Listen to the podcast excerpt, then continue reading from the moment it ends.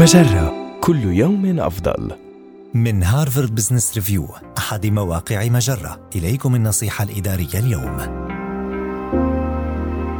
بدء استخدام الذكاء الاصطناعي في شركتك. يحفل الذكاء الاصطناعي بإمكانات تستطيع فعل الكثير لدرجة أنه يصعب معرفة كيفية استخدام التكنولوجيا في شركتك. ولكي تباشر في وضع استراتيجية للذكاء الاصطناعي حاول تنفيذ بعض المشاريع التجريبية. يجب أن يقتصر هدفك في هذه المرحلة على خلق القيمة وأن توضح لأصحاب المصلحة أهمية الاستثمار في الذكاء الاصطناعي.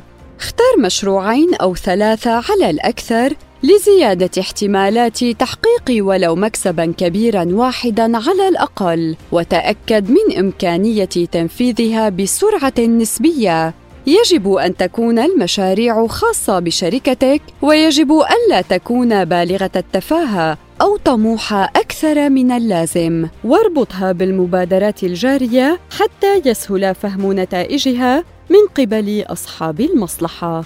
تجدر الإشارة إلى أن معظم مشاريع الذكاء الاصطناعي تخلق القيمة بإحدى الطرق الثلاث التالية فهي تقلل التكاليف أو تزيد الإيرادات أو تطلق خطوط أعمال جديدة. ركز على هدف واحد على الأقل من هذه الأهداف.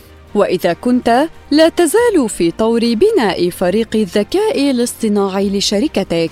ففكر في العمل مع شركاء خارجيين للحصول على الخبرة التي تحتاجها.